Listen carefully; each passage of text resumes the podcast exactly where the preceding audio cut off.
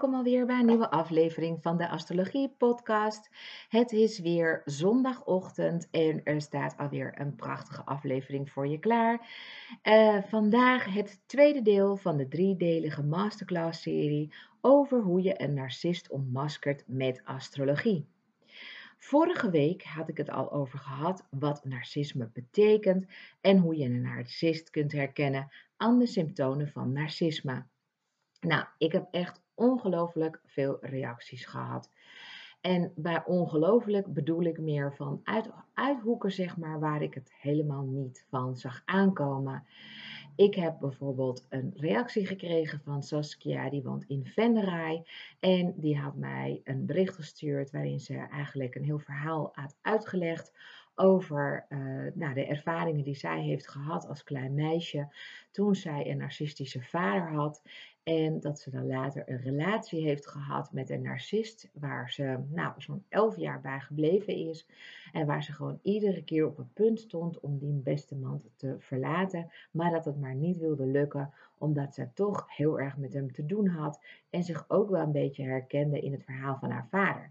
Alleen um, kon ze op dat moment niet helemaal de vinger op de zere plek eh, leggen, omdat ze eigenlijk niet wist waar deze patronen vandaan kwamen. Dus eigenlijk na veel uh, therapie, en dan moet je je dus voorstellen, ze had dus ook de relatie dus ook verbroken. En pas na een jaar of twee, toen ze er nog steeds er last van had, en eigenlijk de klachten die ze had, waren gewoon slecht dromen. Hè, liepen altijd gewoon een beetje vervelend af in haar dromen. En elke dag werd ze eigenlijk gewoon geconfronteerd met gedachten aan haar ex, die bij haar nog gewoon pijn deden.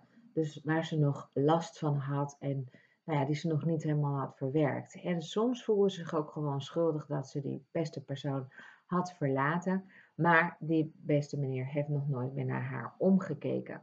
Dus allemaal heel wrang, maar ze heeft wel uiteindelijk hulp gezocht en, uh, en is ze stapje voor stapje gewoon weer teruggekeerd, ook in het arbeidsproces. Want door eigenlijk de, de, ja, die vernietigende krachten van narcisme heeft ze ook eigenlijk een heel laag zelfbeeld gecreëerd, waardoor ze gewoon steeds minder goed ging presteren op haar werk. En dat heeft haar dermate ja, uh, geraakt dat ze dus ook niet in staat was om gewoon haar werk goed te vervullen.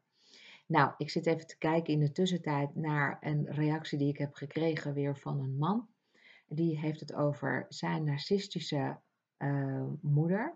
Hij heeft een narcistische moeder die eigenlijk uh, ja, meer, meerdere persoonlijkheidsstoornissen blijkt te hebben gehad. Of althans, zij uh, dachten vroeger dat die vrouw borderline had. Toen bleek dat niet het geval te zijn. Toen uh, kreeg ze de stempel dat ze de ziekte had, zeg maar, waarbij je gewoon eigenlijk andere mensen pijn moet doen om zelf je eigen pijn te verlichten. Nou, dat bleek het ook niet te zijn. Toen dachten ze dat ze gewoon een meervoudigheidspersoonlijkheidsstoornis hadden, omdat ze gewoon ja, een soort van Jantje huilt, Jantje lacht, uh, nou ja, karakter had. Ook dat bleek het ook niet helemaal te zijn. Dus ze konden ook de, de, zere, de, vinger, of de, de, de vinger op de zere plek brengen. Dus nou ja, er was ook een lange zoektocht van uh, wat is er nou eigenlijk met moeders aan de hand. Want die kon ook ontzettend goed verbloemen dat er niks aan de hand was. En die had ook altijd heel, ja, een hele charmant, ja, charmante overkomen. En daardoor kon niemand echt gewoon door haar masker breken, door haar façade. En die man die heeft daar gewoon heel erg veel last van gehad. Uh, van zijn moeder. En eigenlijk nog tot op de dag van vandaag. Zijn moeder leeft nog. En hij heeft de band met haar uiteindelijk verbroken. En dat kost hem heel veel moeite, althans dat heeft hem in het begin heel veel moeite gekost. En hij zegt dat eigenlijk de winst hè, van het verbreken van de band met een ouder, met een narcistische ouder, is dat je gewoon niet meer continu opmerkingen krijgt over uh, wie je bent, wat je doet en hoe je het doet. Dus dat hij eigenlijk geen commentaar meer krijgt en de, ja, de kritiek die hij eigenlijk altijd uh, kreeg van zijn moeder, die krijgt hij nu niet meer. Dat vindt hij wel heel erg fijn. En hij heeft dan een partner gevonden waar uh, ja, diezelfde partner hem eigenlijk ook wel heeft doen inzien. Goh, je hebt een narcistische moeder.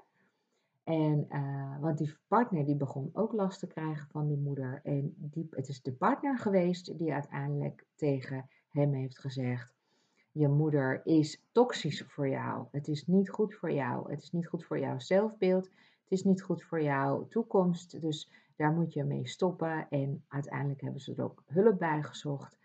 En nou ja, een lang verhaal kort te maken, eh, heel openhartig, heel, een heel mooi verhaal. Ik zou de details er niet van verder vertellen, maar het heeft me natuurlijk wel geraakt, omdat ik, ja, deze, dit verhaal staat natuurlijk niet op zichzelf. Het is gewoon een feit dat in onze maatschappij heel veel uh, narcisme voorkomt.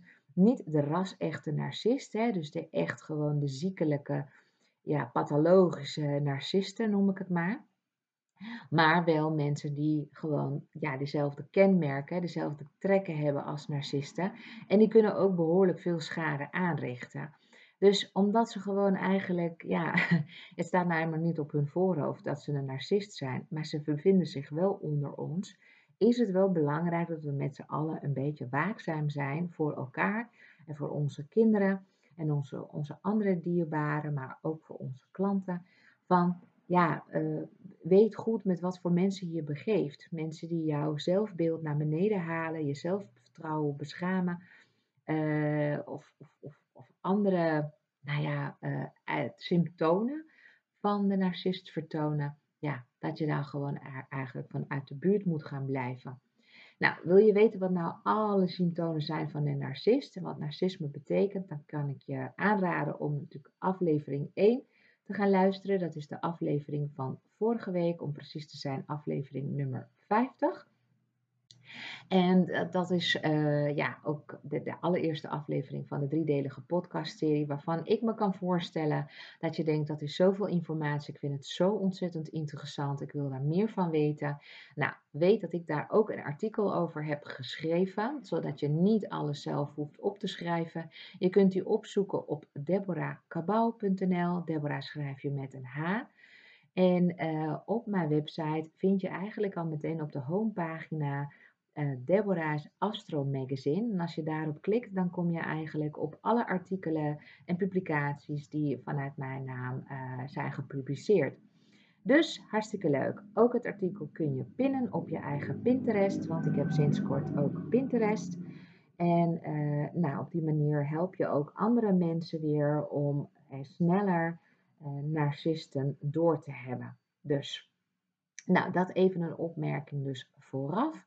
Uh, ik heb vorige week ook een oproep gedaan om, uh, nou ja, zoals uh, velen al weten, ik heb namelijk sinds het begin van de oorlog vijf ehm, consulten gratis beschikbaar gesteld voor Oekraïense vluchtelingen in ons land. En dan met name vrouwen. En nou, er was dan tot, tot nu toe, zeg maar, waren er vier aanmeldingen geweest. En uh, ik heb vorige week nog een keer de oproep gedaan en inmiddels heeft zich iemand ook aangemeld. Daar heb ik een intake mee gehad, dus uh, dat ziet er goed uit. Ik ga die vrouw ook helpen. Dus ik wil maar even aangeven, ik zit nu even vol. Ik weet niet of ik in het najaar nog nieuwe plekken beschikbaar ga stellen waarin ik gewoon gratis, vrijblijvend, geheel belangeloos uh, deze vrouwen kan en ga helpen.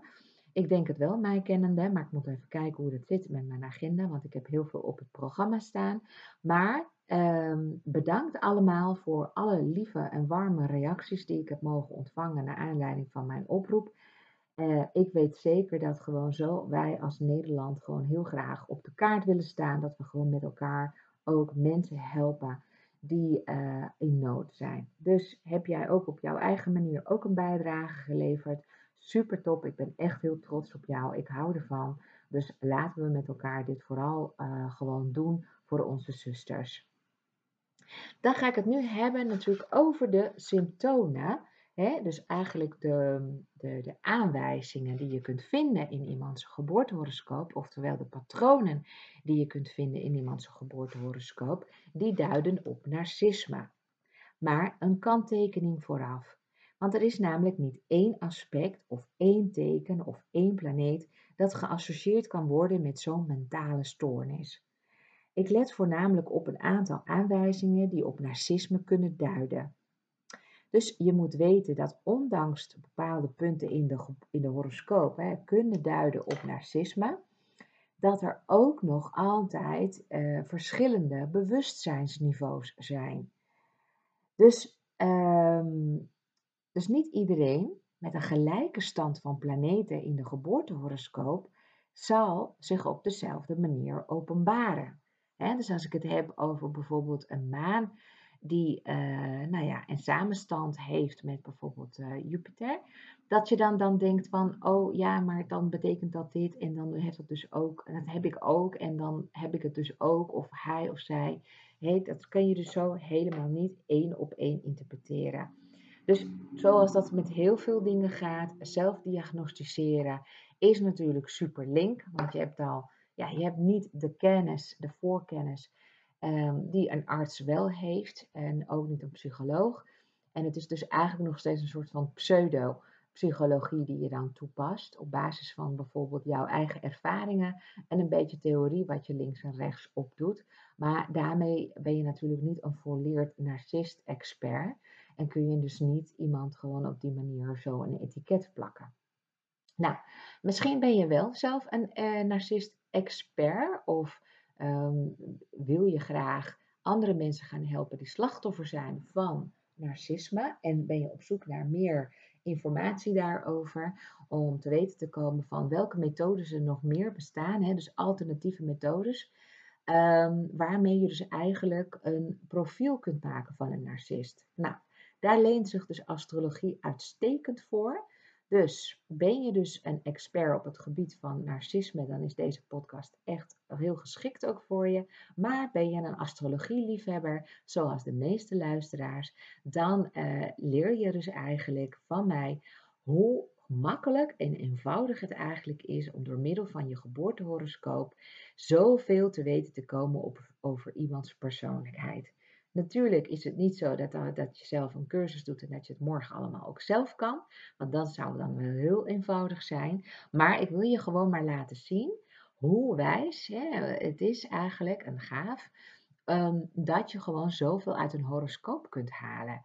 Dus dat al alleen al is de podcast waard. Maar goed, ik hoop dat ik je mee, hiermee meer inzicht kan geven en meer inspiratie kan geven. Daar gaan we. Oké. Ehm, nou, zoals ik al zei, uh, het is voor mij als astrologe, en, en dat geldt dus voor alle astrologen, onmogelijk om zonder iemand te kennen direct een etiket te plakken. Dus we moeten wat meer achtergrondinformatie hebben in de zin van gedrag die ze laten zien. Nou, meestal uh, kunnen we van bekende narcisten wel hun gedrag zien. Want ja, we zien daar gewoon ze zien, we zien ze bijvoorbeeld op televisie of we hebben daar biografieën van gelezen of ze verschijnen in uh, tv-programma's. dus, uh, of het is, een, ja, het is gewoon een bekend persoon waarvan je dus gewoon jarenlang eigenlijk daar uh, ja, zijdelings hebt mee kunnen kijken van hoe iemand zich dan gedraagt. Bijvoorbeeld Poetin of Pim Fortuyn of andere markante mensen, hè, waar die eigenlijk opvallen, waarvan je dus afvraagt, zijn het nou narcisten, zijn het nou ijdele mensen, zijn het nou machtbelustelingen? Wat zit er nou eigenlijk achter? Wat voor mengelmoes aan karaktereigenschappen en onderliggende agenda zit bij iemand? Hè? Dus soms voel je het, maar kun je niet helemaal de vinger opleggen. Nou, als je een beetje verstand hebt van astrologie, adviseer ik je dus ook niet om mensen te beoordelen die je dus niet persoonlijk goed kent, op basis alleen al van mijn bevindingen. In mijn eerdere podcast, in uh, podcast nummer 50, uh, in deel 1 dus, toen had ik eigenlijk al uit de doeken gedaan dat mijn eigen vader een ras-echte narcist is. En dat heb ik ook gewoon kunnen concluderen niet alleen maar omdat ik ervaringsdeskundige ben, maar ook omdat ik heel erg uitgebreid zijn horoscoop heb bestudeerd tijdens mijn opleiding tot astrologe. Natuurlijk is mijn vader nog nooit officieel gediagnosticeerd met narcisme. Het is de etiket die ik erop plak. Maar ik vertelde in de eerste aflevering al dat mijn vader een groot ego heeft en die dacht dat hij, ja, door middel van zijn kinderen eigenlijk hij zijn ziel kon vermenigvuldigen. En dat hij op deze manier dan veel meer invloed had op de maatschappij. En ja, hij had gewoon wat dat betreft wat grootheidswaanzin. Hij dacht dat hij ook heel wat was. En afgezien dat hij een heel hoog, hoog IQ had. Hij heeft uh, twee universitaire studies, twee, ja, twee universitaire studies heeft hij gedaan. Hij heeft en architectuur en medicijnen gestudeerd tegelijkertijd.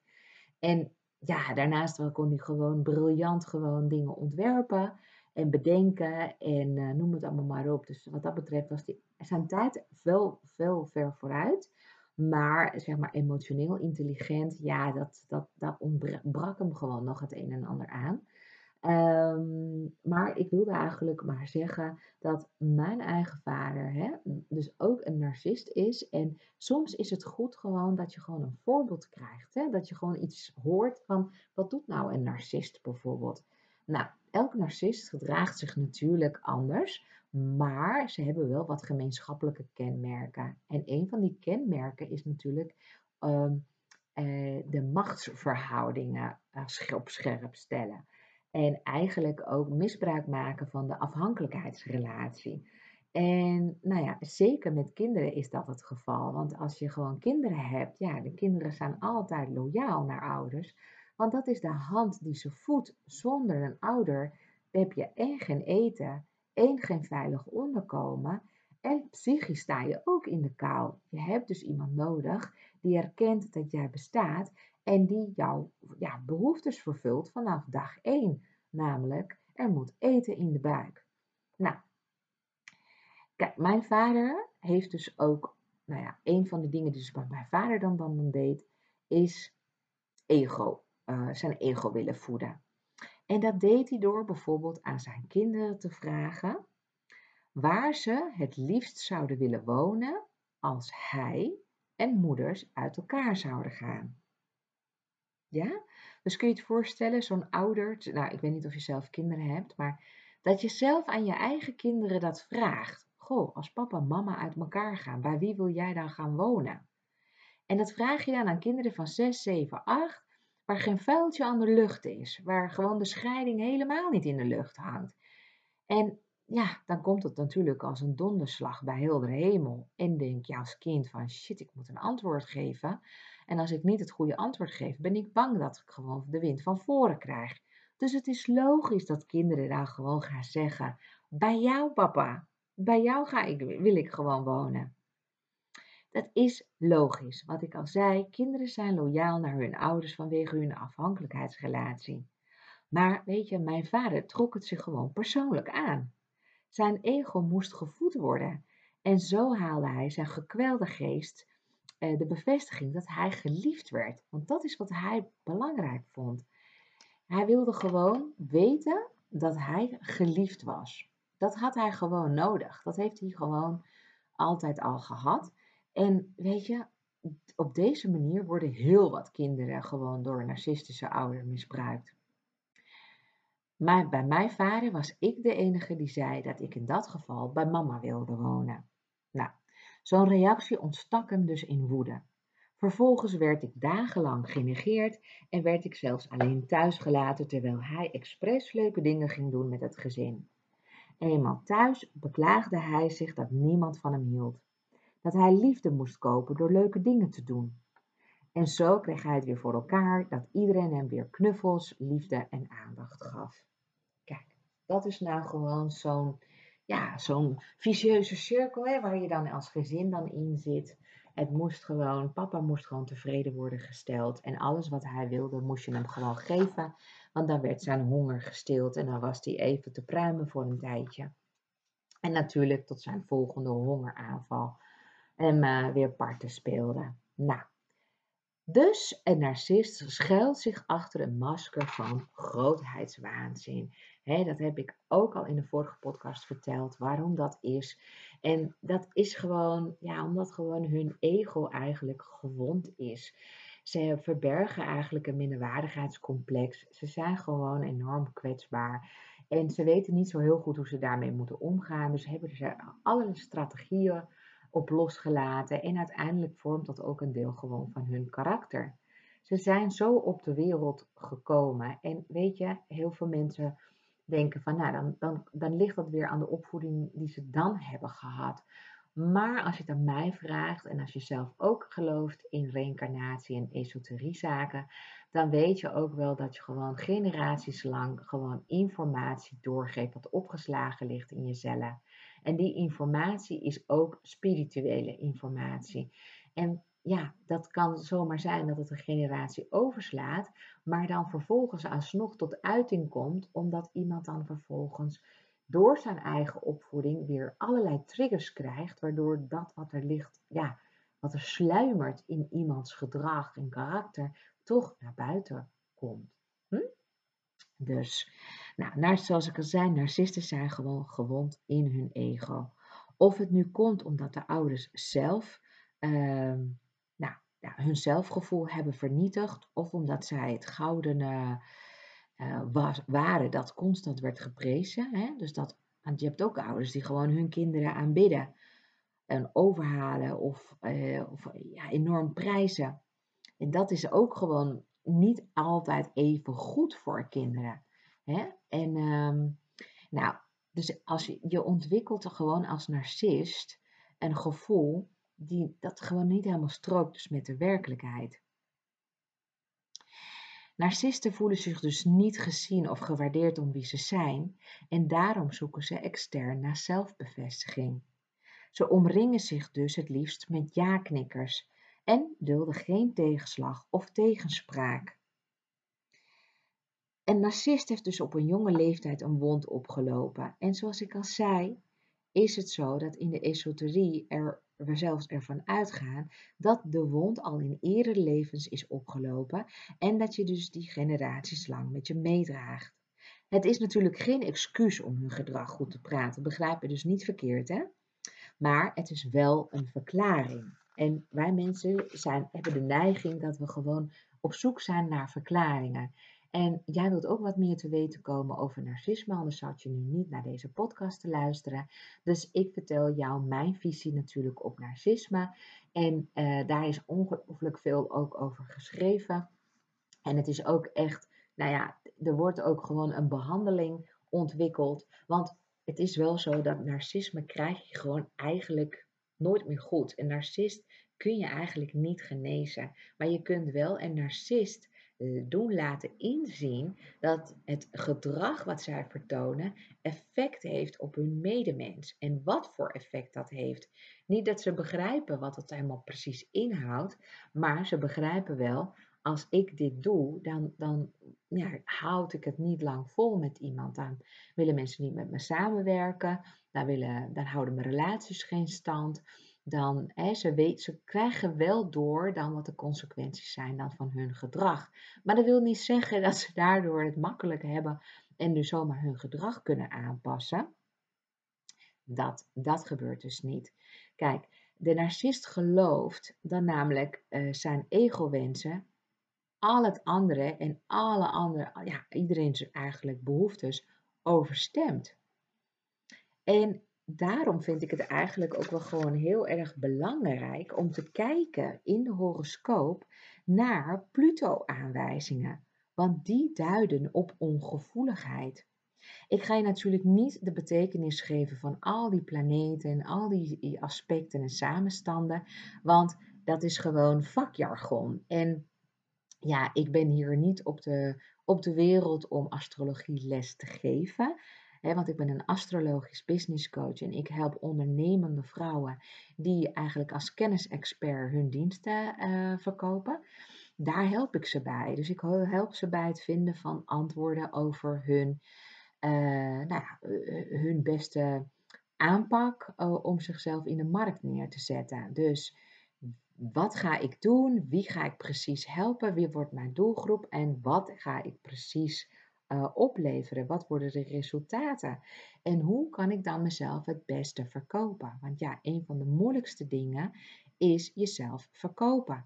Het is natuurlijk makkelijker om inzicht te hebben in jezelf. En mijn klanten zeggen ook heel vaak: ja, ik weet wel hoe het zit met mij.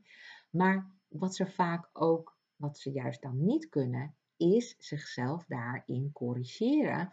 In die zin dat ze dan ook weten ehm, eh, wat nou echt, echt datgene is waarop hun klanten weer op aanhaken. Want dat is namelijk ja, psychologische, energetische energie, een soort vibe die je om je heen hebt, waar mensen wel of niet ja, zich bij aangesloten voelen.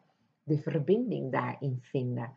En dat hebben, we dus, ja, dat hebben we dus niet altijd even goed door van onszelf. En daarom halen we hulp van een externe erbij. Nou, ik word erbij geroepen als mensen gewoon graag een speakbrief willen van hoe eigenlijk ja, hun zielspad uh, verloopt en welke roeping zij eigenlijk hebben te gehoorzamen en welke klanten daarbij horen. Maar ook hoe ziet dan een stuk van hun leven eruit? Waar gaat het allemaal heen?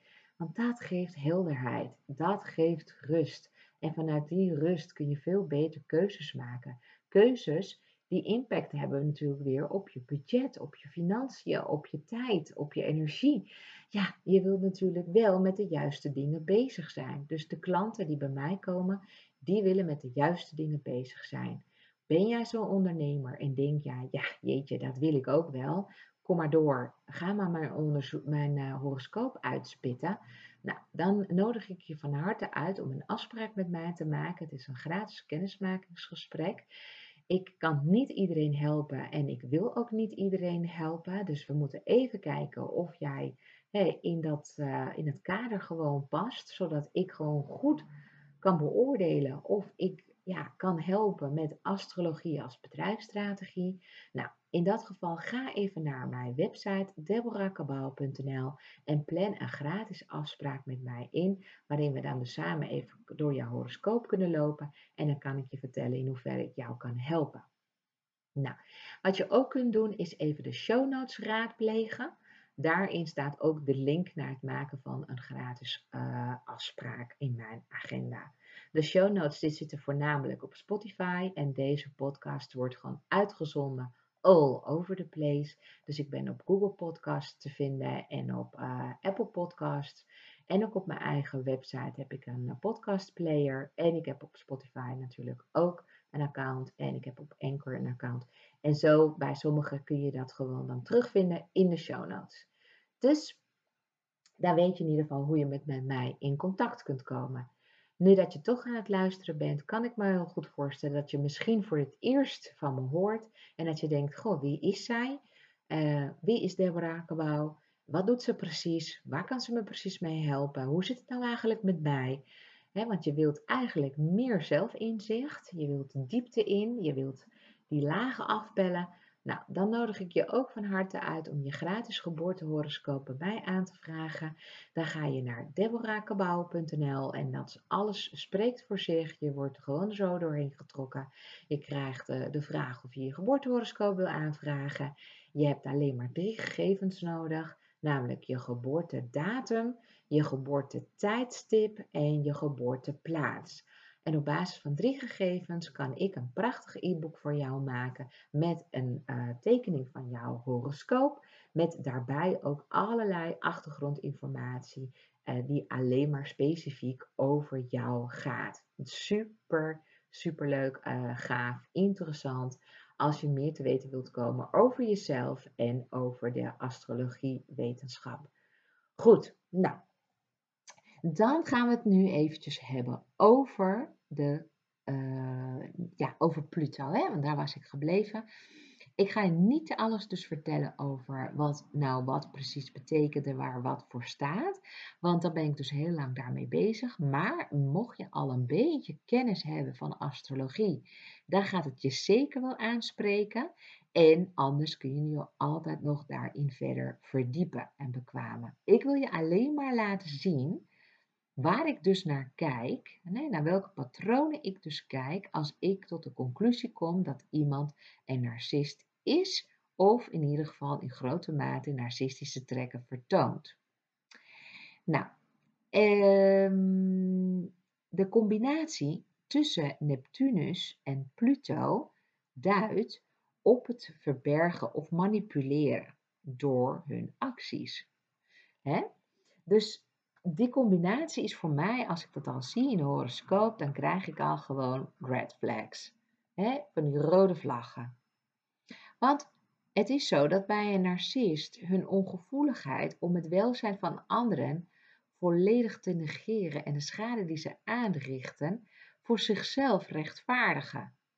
Hè? Dus de, die narcisten die moeten zelf of geen zorg hebben voor andere mensen, of ze moeten losgekoppeld zijn van hun emoties, dan wel geen spijt, schuld of inleving ervaren, net als de rest van de wereld. Dus dat zijn de punten die ik zoek in een horoscoop. Dingen die duiden op dat ze gewoon losgekoppeld zijn van hun emoties, waardoor ze geen spijt, schuld of inleving ervaren. Oké, ehm, een belangrijke aanwijzing die gaat over het aanwijzen van een gewond ego of een gewond zelfgevoel. Oftewel, de identiteit is hier, hè, speelt parten. Nou, dat zijn dus alle aspecten tussen de zon, want de zon staat voor je identiteit, en Chiron, Jupiter, Pluto of Neptunus. Zo geeft bijvoorbeeld een zon-Jupiter samenstand, dus dat wil zeggen dat zowel de zon als de Jupiter heel dicht bij elkaar staan, dat, ze, dat iemand dus de neiging heeft om, voor, uh, nou ja, om zichzelf op te blazen. Hè? Dat geeft de neiging tot een opgeblazen ego. En als Pluto dan ook nog eens in oppositie staat, dus aan de overkant, nou dan weet je dus dat er serieus sprake is van blinde vlekken en onderliggend trauma als het op hun identiteit aankomt.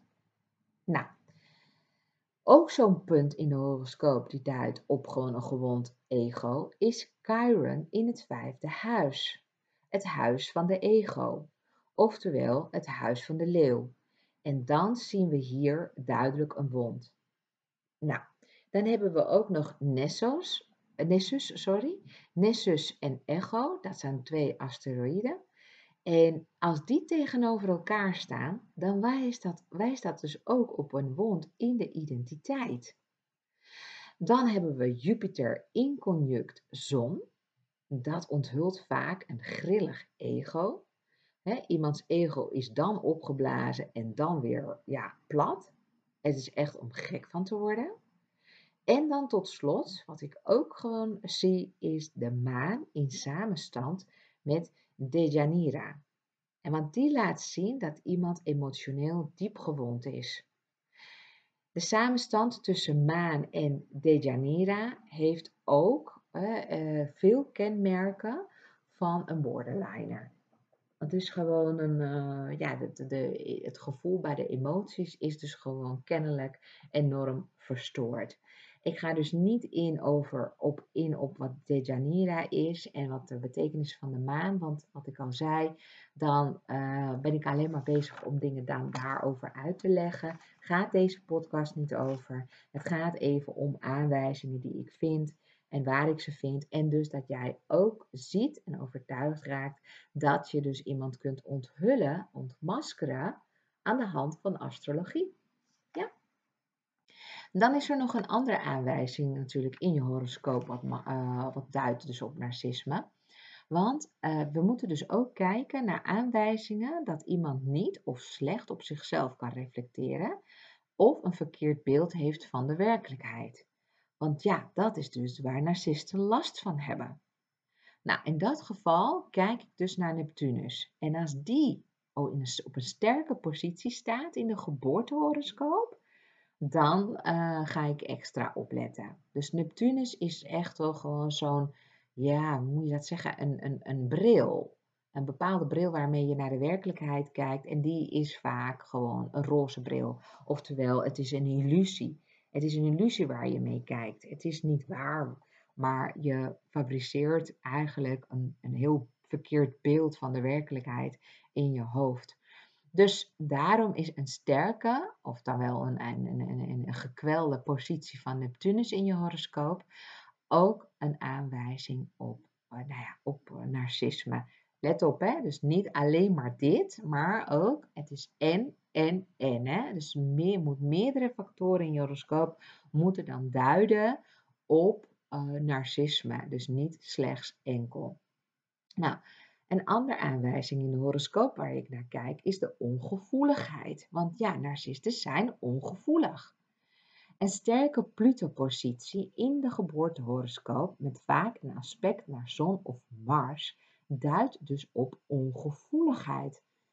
En die ongevoeligheid maakt dus ook dat ze gewoon over lijken kunnen gaan. Ik bedoel, dan hebben ze dus ook geen geweten. Hun geweten knaagt ook niet aan ze zoals bij normale mensen. Zij kunnen wel slapen als ze iemand pijn hebben gedaan of iemand hebben bedrogen. En de andere mensen kunnen dat dus niet. Die willen schoon schip maken en die vragen ook om vergiffenis om verder te kunnen gaan. Nou, een narcist die doet dat niet en die gaat het ook nooit doen. Een ander punt in de horoscoop waar ik naar kijk is het verbergen of manipuleren van zaken. Dus je moet in de horoscoop kijken naar patronen die hierop wijzen. Een spannende Neptunuspositie in de geboortehoroscoop, vaak in aspect met Mars, duidt dus op het verbergen of manipuleren. Een combinatie van Pluto en Mars is sowieso altijd oppassen geblazen. Dan een ander punt wat superbelangrijk is, wat duidt eigenlijk op narcistische trekken. Dat is namelijk uh, het gebrek aan empathie. Meestal is er dan iets aan de hand met de maan. De maan regeert over onze gevoelens en gevoel van welzijn. De maan van een narcist staat vaak in aspect met Mars, Saturnus of Uranus. Omdat een narcist ook een scheef waardesysteem heeft, zou een gekwelde Venus in de geboortehoroscoop hier de oorzaak van kunnen zijn. Als in een geboortehoroscoop weinig water uh, zich bevindt, hè, dus weinig planeten in het waterteken, dan heeft iemand ook weinig inlevingsvermogen. En dit kan gebeuren doordat de maan niet in een waterteken staat en daarbij ook geen aspecten maakt met andere waterpunten zoals Neptunus, vissen, kreeft of schorpioen of Pluto. En drie laatste en superbelangrijke aanwijzingen die ik heb, heb gevonden in de asteroïden, die zijn vernoemd naar Narcissus, Echo en zelfs Lai. Want in geboortehoroscopen van bekende narcisten kwam ik heel vaak de combinatie tegen tussen Narcissus en Echo, en vooral in de aspecten vierkant en oppositie. Deze combinatie kwam ik niet tegen bij niet-narcisten, dus wat mijn hypothese bevestigt. Dan heb je nog een andere aanwijzing binnen in de geboortehoroscoop van een narcist. Wat wijst op arrogantie, opschepperij, dikdoenerij en in het middelpunt willen staan. Er is duidelijk iets spannends aan de hand met de zon die gekoppeld is aan het sterrenbeeld leeuw. Een combinatie met Pluto vergroot het ego, waardoor iemands kijk op de realiteit vertroebeld is. Waar ik ook daarnaar kijk, binnen in een geboortehoroscoop van een narcist, zijn de aspecten die te maken hebben met macht, manipulatie, obsessie, en dan obsessie met zichzelf natuurlijk, en explosief reageren en het vermogen om anderen diep te kwetsen. Want ook weer hier geldt Pluto gooit roet in iemands psyche. Pluto hoort bij het teken schorpioen en we hebben allemaal een scheut plutonische krachten in ons. We beïnvloeden elkaar en we grijpen ook naar de macht als we het nodig hebben. Maar een narcist is altijd op zoek naar macht. Als hij of zij geen macht over je heeft, zoekt hij of zij gewoon een ander slachtoffer. Egoïsme is ook een kenmerk van een narcist al ligt het niet aan de oppervlakte. Narcisten zijn namelijk charmeurs die hun ware aard heel goed weten te verbergen. Nou, iemand met Mars in weegschaal weet hoe hij of zij iets voor elkaar kan krijgen zonder dat anderen dat doorhebben. En zeker met Neptunus in de buurt van Mars. Zo iemand gaat geraffineerd te werk. Natuurlijk is dit niet een aanwijzing op zichzelf, maar voor mij vormt het vaak wel echt een red flag. Hetzelfde geldt voor Neptunus in driehoek met Jupiter en Pluto in oppositie met Jupiter. Zo iemand is erop gericht op het verkrijgen van welvaart en macht en heeft helemaal geen, geen, ja, geen gevoel bij andermans behoeftes. Een Pluto, een Pluto met Mars is ongelooflijk krachtig. Normaal gesproken worden deze krachten positief aangewend, maar een narcist zal deze samenstand gebruiken om als meestermanipulator die over lijken gaat voor eigen gewin in te zetten. Ja? Dus dan weet je dat, dat Pluto in samenstand met Mars ongelooflijk krachtig is. En narcist zal deze samenstand gebruiken om als meestermanipulator die over lijken gaat voor eigen gewin dit dus te gebruiken. En dit vind ik echt een hele belangrijke, daarom herhaal ik hem ook, want uh, hier zit, hem, zit ook vaak ook gewoon de crux. Hè? Want wij willen heel graag een narcist begrijpen en we willen hem ook genezen, maar we moeten ons realiseren dat wij iemand, zo iemand nooit zullen kunnen begrijpen, omdat we zelf zo niet in elkaar steken.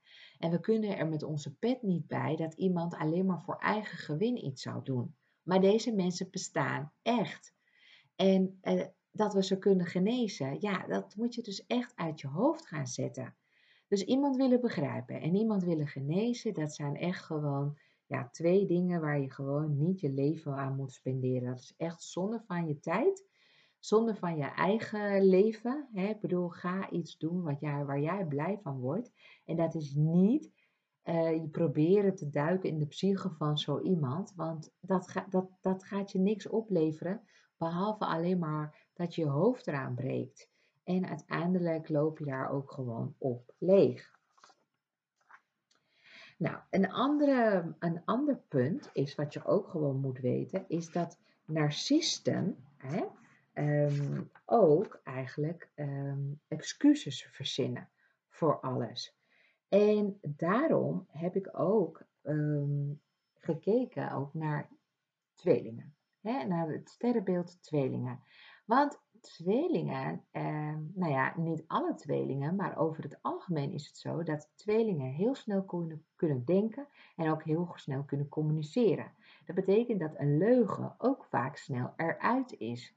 En omdat ze gewoon heel erg charmant zijn, juist omdat ze gewoon hun bekkie met zich mee hebben, ja, dan, dan, dan, dan komen ze gewoon overal eigenlijk mee weg. Terwijl jij nog aan het processen bent, aan het nadenken bent over wat ze nou eigenlijk precies zeggen of wat jij wil zeggen, hebben zij eigenlijk al iets eruit gegooid waardoor ze je kaas van het brood eten en jou helemaal eigenlijk zo achterlaten met, huh, wat dan, hoe dan? Tweelingen hebben namelijk ook meerdere gezichten. Ze schakelen makkelijk over en sommigen vinden het lastig om te weten of je dan iemand bij de kop of de kont hebt.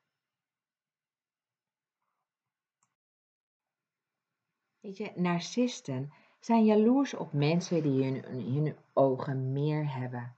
Maar dat zullen ze altijd ontkennen. Jaloezie is weer een stier-schorpioen dingetje en egoïsme hoort bij de ram die voornamelijk denkt in ikke, ikke, ikke. Maar dat wil dus niet zeggen dat deze mensen narcisten zijn.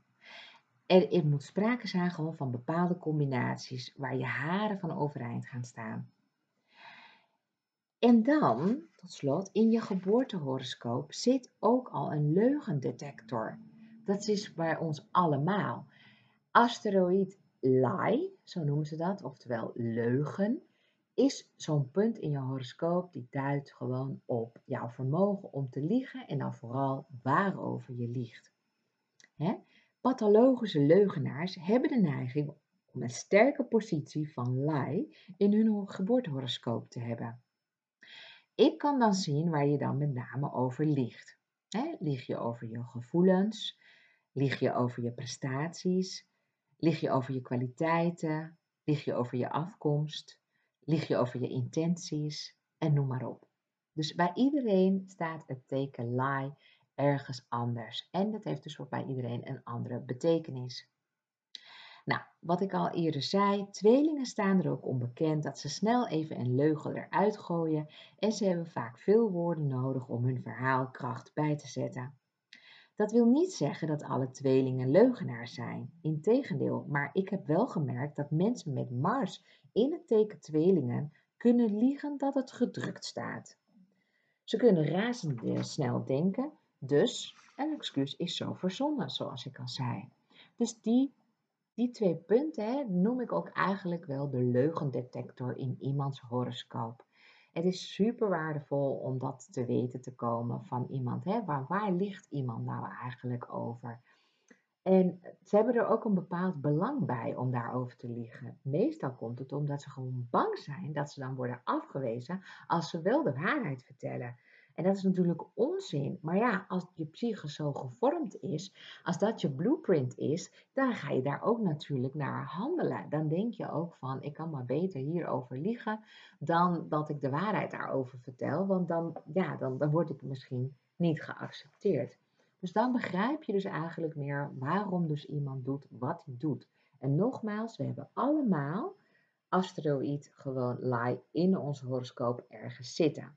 Alleen bij een narcist ga ik gewoon juist kijken waar heeft die het dan gewoon zitten. En bij welke combinaties maakt zo'n zo'n punt in, nou in, in zijn of haar horoscoop. Waardoor iemand juist een vergrote kans heeft op het ja, ja, structureel uh, liegen. We noemen dat ook wel een pathologische leugenaar. Dan ben je ziekelijk gewoon aan het liegen. En dan lieg je zelfs over de waarheid, terwijl de waarheid nog mooier is misschien dan de leugen die je hebt verzonnen. Dus dat kan ook nog eens. Hè? Dus dat zijn die sproetjes in de geest die je hebt meegekregen bij geboorte, zeg ik altijd maar. Want zo'n geboortehoroscoop is een blueprint van de hemel, hè, die je hebt meegekregen. En ja, die zal zich uiteindelijk ook gaan openbaren in jouw leven.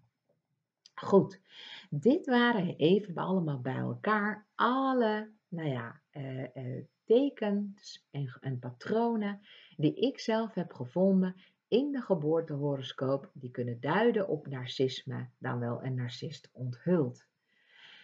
Volgende week ga ik het hebben over het slachtoffer van een narcist.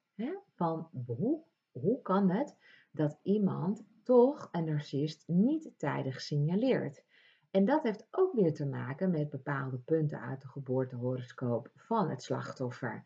Dus het is ook heel erg interessant om te weten welke punten in zo'n geboortehoroscoop maakt dat je juist blind bent voor de narcist.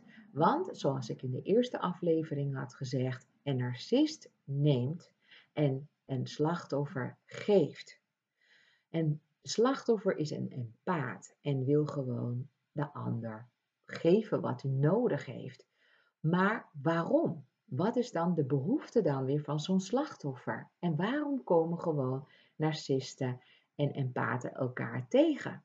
Die aantrekkingskracht is gewoon omdat beide iets van elkaar willen. De ander wil helpen en de ander wil geholpen worden, als het ware. Hè? Die wil gewoon gezien worden. Die wil al die aandacht van zo'n empaat wel hebben. En die holt dan ook zo'n slachtoffer helemaal uit, totdat hij gewoon niet meer kan. En totdat gewoon het dieptepunt bereikt wordt, uiteindelijk, dat iemand zijn zelfbeeld gewoon compleet kapot is. En iemand geen zelfvertrouwen meer heeft in zichzelf, in zijn eigen kunnen, in, in het leven. En dat is gewoon natuurlijk desastreus. Want hoe kan je nou in godsnaam verder gaan als je zelfvertrouwen gewoon zo vernietigd is? Nou, ik hoop dat je heel veel inzichten nu hebt gekregen van deze aflevering. Ik kijk enorm uit naar volgende week. Uh, want dan hebben we het dus daarover. Hè. Het is meteen ook het laatste deel. Dus, um, dus ja, mis hem vooral niet. Uh, nogmaals wat ik zei, als je heel graag dit allemaal wilt nalezen, dan kun je gewoon op mijn website deborahkabau.nl veel meer informatie vinden over uh, narcisme, want ik heb daar een monsterartikel erover geplaatst, zodat je alles nog eens goed kunt nalezen. Nou, voor nu wens ik je nog een hele fijne dag. Ik weet niet wat jij precies gaat doen, maar ik ga in ieder geval hardlopen. Niet dat ik het heel erg leuk vind om te gaan hardlopen, maar ik heb gemerkt dat het goed voor mij is om gewoon wat meer te bewegen, uh, zeg maar in de natuur. Want dat, ja, dan vul ik mijn longen vol met frisse lucht. En dan word ik daar ook veel energieker van. En dan, uh, ja, ik vind dat ook heel erg belangrijk om dat te doen. En ik doe gewoon ook altijd mijn oortjes in en dan ga ik luisteren naar mijn favoriete muziek. Veel mensen vragen ook aan mij, waar luister jij dan graag naar? Nou ja, ik ben opgegroeid in de tijd van uh, Bon Jovi. Nou, die tijd ligt natuurlijk al ver achter mij. Maar nog steeds vind ik al die ballads gewoon echt heerlijk om naar te luisteren. Ik vind ook uh, muziek waar ik gewoon heel kalm van word ook heerlijk. Dus ik luister ook veel naar jazz, blues en chansons die ja, worden ingezongen door uh, Franstaligen die een poging doen om in het Engels gewoon een mooi liedje neer te zetten. Kan ik echt enorm van genieten. Dat is niet de muziek die ik gebruik als ik ga hardlopen, maar ja, dat is dan wel de muziek die je hoort galmen door onze Sonos-boxer, door onze hele gemoderniseerde boerderij. Overal in elk vertrek waar je loopt hoor je gewoon zo'n kalm, rustgevende vrouwenstemmuziek ja, dat uh, maakt mij gewoon intens uh, rustig en gemoedelijk. En denk ik, wat is het leven toch eigenlijk dan heerlijk. Hoewel ik weet dat gewoon natuurlijk buiten mijn eigen, nou ja, mijn eigen erf het ook wel eens heel erg hard aan toe gaat. Ook in deze wereld en zeker nu op dit moment wat er gebeurt in Oekraïne. Dat gaat me ook heel erg na aan het hart.